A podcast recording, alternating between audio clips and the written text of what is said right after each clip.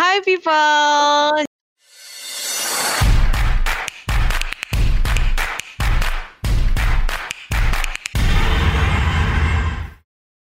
Oke, balik lagi bersama kita, kita Foresight. Kali ini kita akan membahas tentang perbandingan antara privilege dan effort.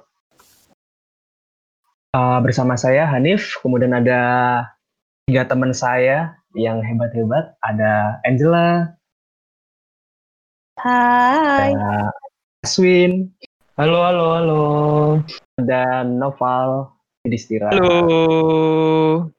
Oke, jadi kali ini kita akan membahas tentang privilege ya. Ah, menurut Angela nih, privilege itu apa sih, Angel?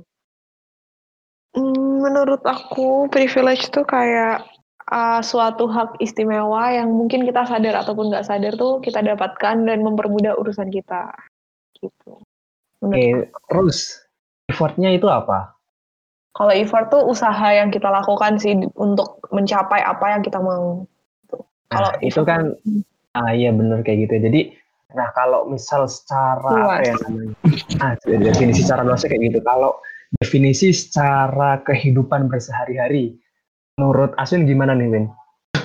Kalau privilege itu ya orang yang punya tahta, harta, bukan wanita ya.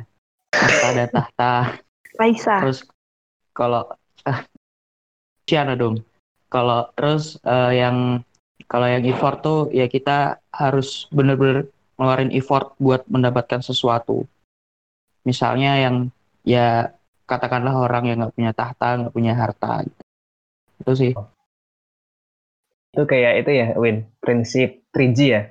Teori, Ya. gospel, Weh, Parah iya. banget. Ah, ini kalau menurut aku kayak privilege itu orang-orang yang punya power sih. Jadi kalau power apa pun tentang uang, tentang kekuasaan, tentang media kayak gitu dia megang semua. Kalau orang-orang yang ada di golongan effort itu orang-orang yang nol. Mungkin kayak gitu kali ya. Terus aku pengen mulai dari ini apa namanya eh, sejarah nih teman-teman. Jadi eh kalau ditarik gitu eh, di Indonesia aja ya, kita bicara di Indonesia aja jadi kalau misal di Indonesia aja emang kenapa istilah privilege dan kenapa ada istilah effort kayak gitu ya dari belakangan ini karena emang dari dulu emang udah ada budayanya nih dibentuk terutama terutama bahkan sejak zaman kerajaan berarti sebelum zaman kolonial gitu, sebelum Belanda jadi eh, zaman kerajaan kita ambil contoh yang Majapahit. Majapahit itu kan kerajaan besar ya yang dikenal yang terkenal itu eh, Patih Jamada gitu ya Win. Mirip kan ya Win ya? Jamada. Iya.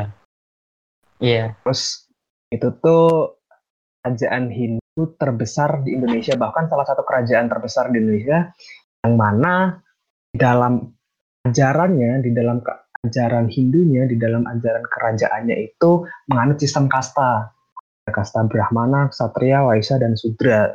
Jadi emang dari yang aku lihat dari situ itu bahkan udah ada nih istilah itu. Nggak tahu ya kalau misal di luar negeri itu seperti apa karena yang disorot uh, trennya itu sekarang orang-orang dengan privilege, orang-orang dengan uh, apa ya namanya mungkin anugerah kayak gitu ya. Dengan anugerah tertentu lebih bisa mendapatkan sesuatu lebih mudah daripada dengan orang-orang yang apa ya namanya harus uh, punya effort lebih. Dan kerajaan itu uh, rakyat Nusantara emang sudah dibudayakan dengan adanya keistimewaan dan uh, usaha. Usaha dalam hari ini emang mereka mereka yang kemudian memulai hidup dari nol, tidak mempunyai keistimewaan, keistimewaan kayak gitu ya, dari harta, kemudian kekuasaan, kemudian pengaruh kayak gitu. Jadi uh, emang udah istilahnya dikenalkan. Nah dari situ uh, kemudian secara turun temurun akan uh, tetap ada kayak gitu apa namanya uh, mungkin istilahnya beda tapi budayanya akan tetap sama kayak itu akan berpengaruh besar sih Jadi mungkin yang bisa ditarik seperti itu. Jadi emang udah ada dari zaman dahulu. Nah, menurut Nopal gimana nih Pal dari apa ya namanya perspektif sejarah yang seperti ini? Ya, jadi menurut aku nih dari perspektif uh, sejarah kerajaan yang aku baca nih di Majapahit itu uh, emang di kerajaan itu sendiri juga punya istimewa ya atau privilege. Jadi sebuah kerajaan itu bisa memberikan istimewa kepada orang lain yang bukan merupakan atau apa kerabat atau sebangsanya bisa diberikan hak istimewa.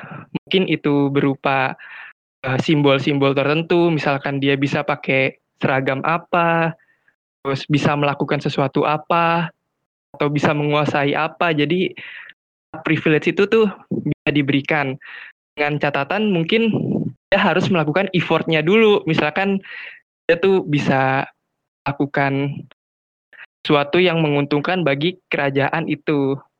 Misalkan uh, ada seorang uh, teman dari anak raja, itu dia selalu menemani anak raja tersebut. Nah, lama kelamaan anak raja tersebut uh, bisa mendapatkan privilege karena telah memberikan keuntungan kepada anak raja tersebut. Itu terjadi pada uh, zaman kerajaan Majapahit gitu kalau aku tetap masih kayak beropini dan mungkin terjadi kayak gitu di yang dulu orang zaman-zaman kerajaan atau orang-orang dulu itu yang mempunyai kedudukan atau kekuasaan itu pasti mendapatkan keistimewaan lebih daripada orang-orang yang biasa.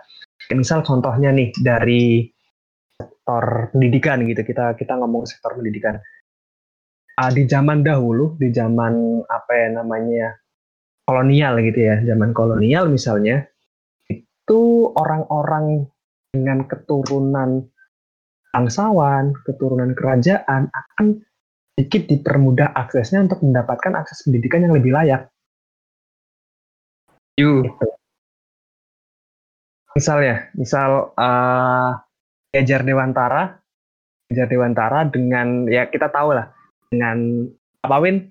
WA-nya Win, Kejar Dewantara Win uh, tuturi Handayani ya? yang mana? Dua lagi apa yang dua lagi?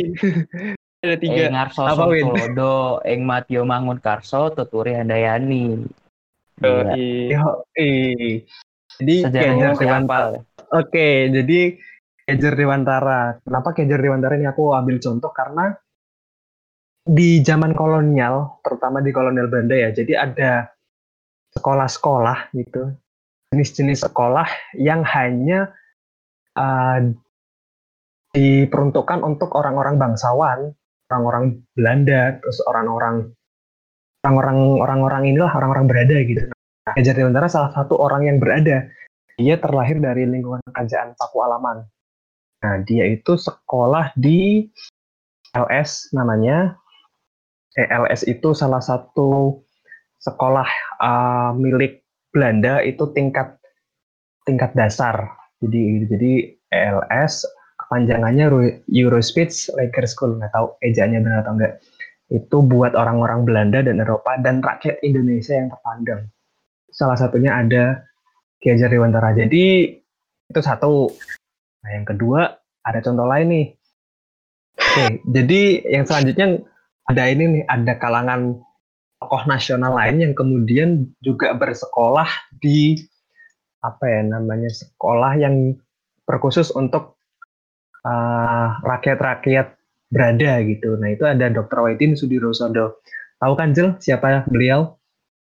Ya, dia ini adalah dari penggagas dari Budi Utomo. Budi Budi Utomo. Dia itu dokter lulusan Stovia. Gitu. Iya bener Stovia. Stovia itu intinya sekolah kedokteran lah.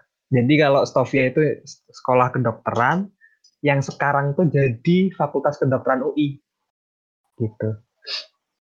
Jadi dulu oh. uh, buat orang-orang alasannya alasannya kenapa didirikan Stovia itu biar ada rakyat yang menjadi dokter. Yang ketiga itu ada Insinyur Soekarno.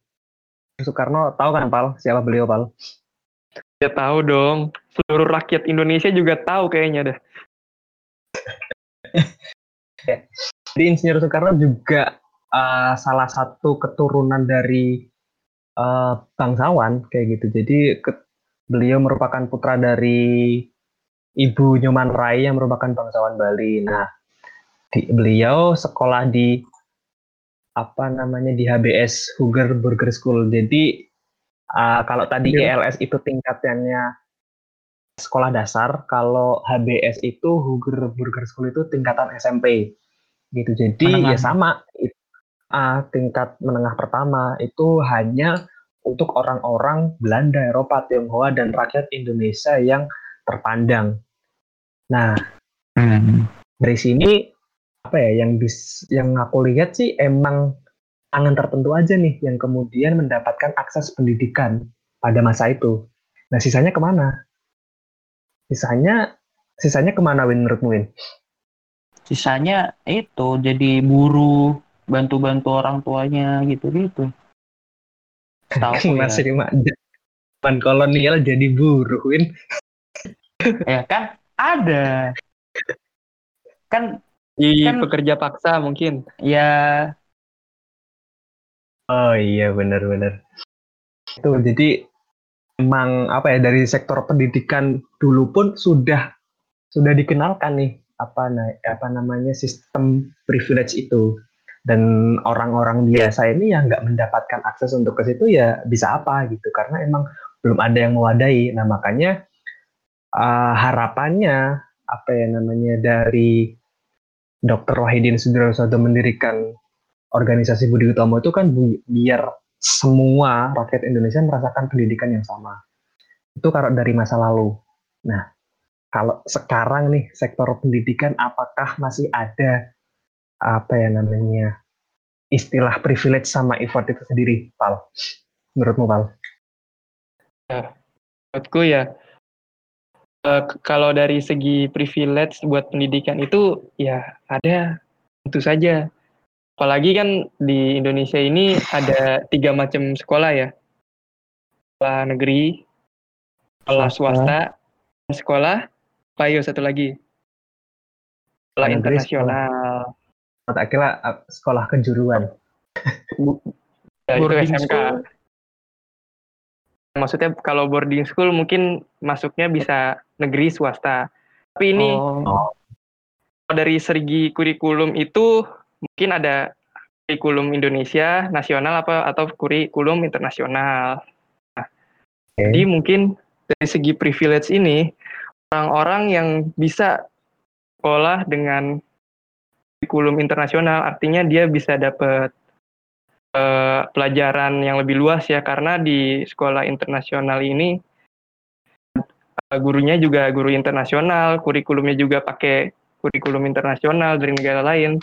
Nah, jadi walaupun uh, sekolah negeri dan kurikulum Indonesia sudah uh, apa masuk jadi standar Indonesia, tapi uh, mungkin masih kurang lebih wawasannya dibanding yang internasional karena lebih jauh. Nah, aku lihat oh. sih rata-rata nih yang sekolah di in, sekolah internasional ini itu kebanyakan dari kalangan usaha, anak pejabat bahkan ada sama yeah, anak artis yang di internasional.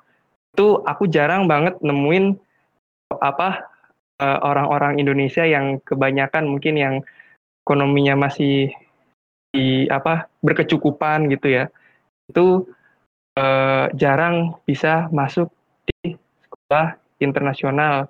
Itu kan juga membuktikan kalau ternyata privilege itu uh, bener-bener apa yang dikatain kamu nih kalau apa punya kekuasaan punya uang gitu punya sesuatu kekuasaan atau punya yang berlebihan lah gitu sehingga dia bisa mendapatkan itu yang lebih juga itu dari segi pendidikan di Indonesia. Itu yang sekarang ya yang maksudnya. Tapi pertanyaannya uh, hanya orang-orang tertentu kan Pak yang kemudian mengakses sekolah internasional itu?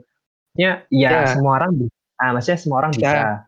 Ah, semua orang bisa. Tapi apa ya namanya kayak lebih, lebih realistis gitu loh. Biaya sih terutama. Iya tuh biayanya juga Biayanya, Pak? mahal. Eh, kalau Itu- menurutku sih, ya udah nopal dulu nopal. Apa Pak? yang aku cari sih di berita-berita itu totalnya tuh bisa nyampe ini SD ya itu bisa nyampe 100 sampai 600 juta per semester. enggak itu satu kali apa sampai lulus Sampai mungkin kalau per Oh. semester ya bisa puluhan juta Menurut Angel gimana Angel? Tanggapan tanggapan Angel dari perspektif pendidikan apa ya, yang mengutamakan privilege ini? Di Indonesia ya? Ya betul. Hmm, gimana ya kalau kayaknya kalau kita ngomongin soal privilege dan effort itu tentunya bakal luas banget ya maksudnya nggak cuma dalam aspek pendidikan aja dan maksudnya kayak kita lihat uh, misalnya politik secara luas pun itu banyak yang berkaitan sama privilege itu. Jadi sebesar politik aja bisa pentingin privilege gitu. Apalagi di bawahnya itu gitu loh di pendidikan. Maksudnya itu kan kayak uh, tingkatan awal banget gitu. Jadi kalau menurutku privilege itu kayak udah menjadi sesuatu yang mengakar di masyarakat gitu. Misalnya kita tahu nih, ini anaknya ini, misalnya misal teman sekolah nih, ini anaknya ini. Pasti kayak kelihatan banget gak sih guru-gurunya gimana, atau pasti di- dia dikelilingi orang-orang yang ya sama kayak dia gitu, gitu sih menurutku stigma kebanyakan ya sampai sekarang soal yang orang berprivilege itu. Lebih diperhatikan Kayaknya- sih.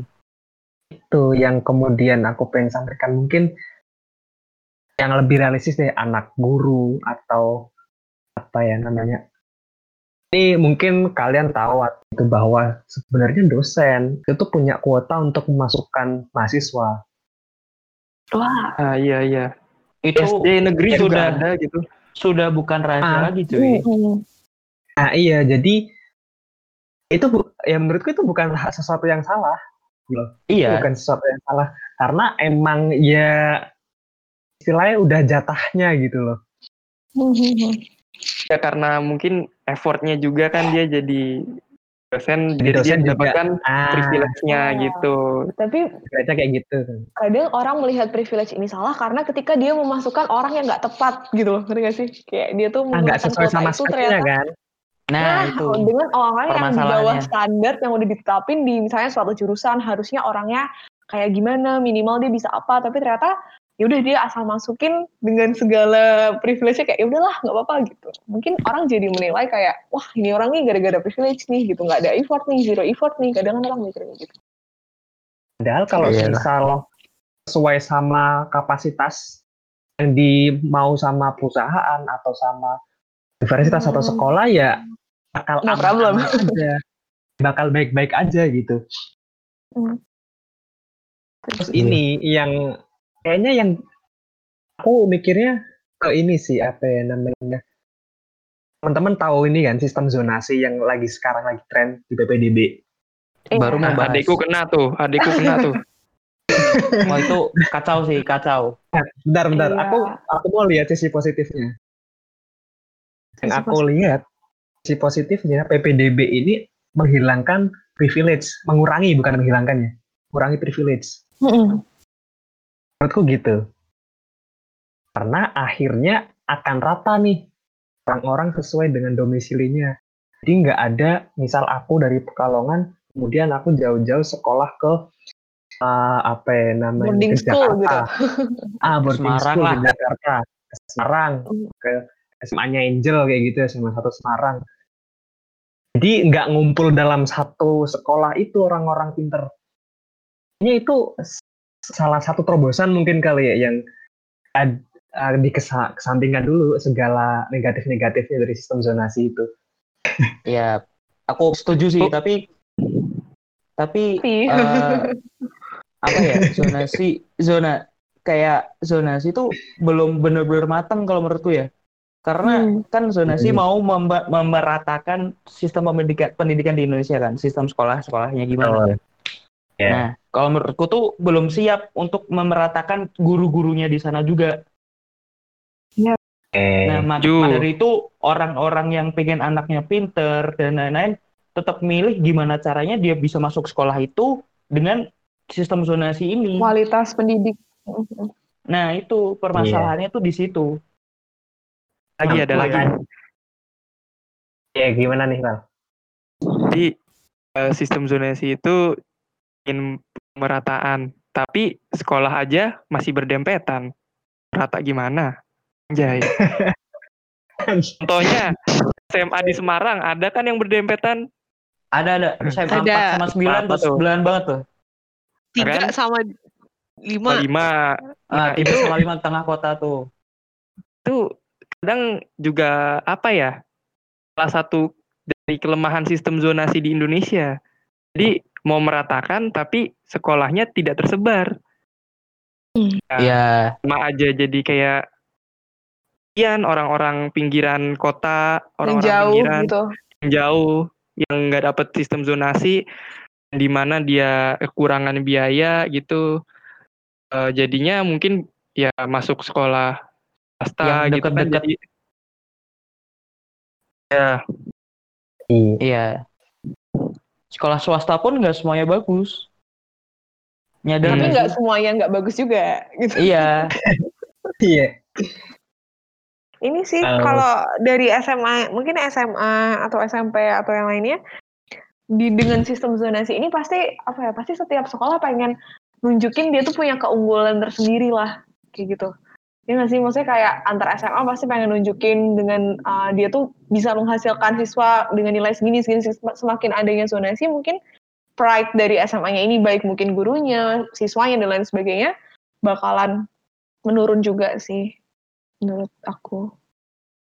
Aku aku mau tanya nih. Ini terlepas dari zonasi dulu. Kalau semisal Hmm. itunya menurun, apa ya namanya? Kualitas. Dari itunya menurun, prestasinya menurun. Yang salah siswanya atau gurunya? Sistem di sekolahnya. Sistemnya. Aman ya jawabannya. Jawabannya Iya, soalnya kan pemerataan tadi kan rencananya kan. Ah, iya iya iya. Makanya kan Iya. mau menghilangkan privilege sama itunya kan juga susah. Sebenarnya Tapi, tapi ini juga apa ya? Makanya belum kotanya kotanya belum 100% pakai zonasi. Kan 50% kan? 50% zonasi. Ada iya jalur ada jalur Iya, iya. prestasi ada jalur afirmasi terus ada jalur oh, pokoknya empat jalur. Aku lupa satu lagi apa. Jalur ini prestasi? Nah kan Udah. prestasi afirmasi. Tentunya jalur zonasi. zonasi kan? Afirmasi afirmasi itu kayak guru yang pindahan.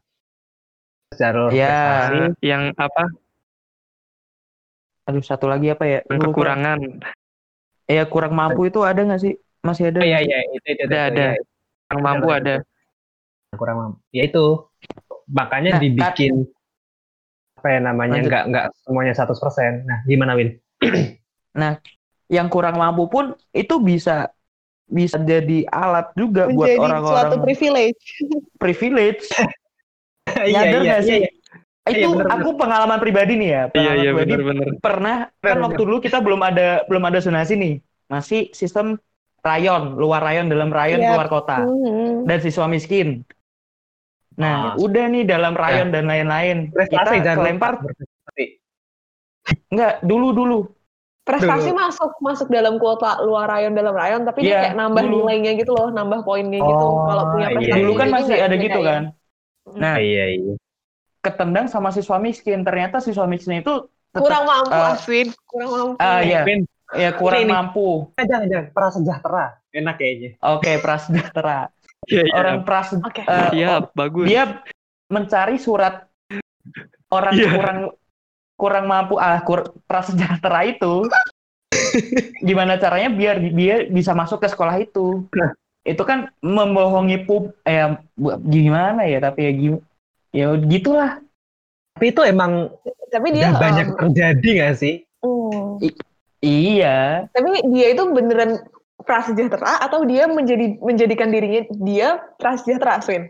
nah nggak tahu juga kan kenyataannya Oh. tapi kita lihat ya kan? orangnya melihatnya kan oh prasejahtera tapi kok kayak Gini. gini kan kita bisa melihat dari pas di sekolah lah Hmm. atau di Gini, gini. teman main Ah, iya, iya. Matang matang aku jadi inget ini deh apa namanya eh, kemarin-kemarin kan nggak kemarin-kemarin sih emang sering banget muncul mahasiswa bidik misi Wah, iya itu. Iya kan? Jadi ya itu pro kontra kan. Kayak ya mungkin emang has, orang dengan ekonomi nanggung tuh katanya lebih lebih lebih susah bertahan daripada orang yang ekonominya emang rendah sekalian atau cukup sekalian. Atau tinggi sekalian. Ah, iya, iya. Ya, itu. Jadi kalau misal tadi tentang SKTM atau surat keterangan tidak Hmm. mampu, ini tidak mampu ya, bukan surat keterangan prasejahtera, Win. Oke. Aman. Bikin rasa sejahtera juga kamu nih. SKTM namanya. Emang. Itu emang apa ya namanya? Kayaknya udah ada transaksi di situ. Kayaknya lo ya. Hmm. Opini Iya makanya itu. gitu. Opini, Jadi- opinimu ya. Ya kan, opini ku kayak gitu. Nggak kita ngerti, Win. mengeneralisasi semuanya. Bahaya. Iya, opini ku kayak gitu. Kayaknya mungkin ada transaksi di situ karena menjanjikan nih beasiswa ini. Kayak gitu. Bidik misi. Dik misi. Oh ya. Tapi Bisa jadi kan. Nggak maksudnya bu- nggak semua bidik misi itu salah sasaran tapi banyak juga yang si beasiswa ini diberikan ke orang yang salah gitu ngerti nggak sih jadi kayak si sebenarnya konsep uh, besarnya bidik misi itu nggak salah cuman pas pembagian itu ada beberapa yang nyelip nyelip gitu loh yang seharusnya nggak tapi keselipan gitu sih Kurang Aku kurang nangkapnya masuk gini itu. sih. Ya udah lanjut. Coba dulu. Gimana? Oke, oke. Aku nangkapnya gini, kalau orang-orang yang mendapat beasiswa itu adalah orang-orang dengan privilege.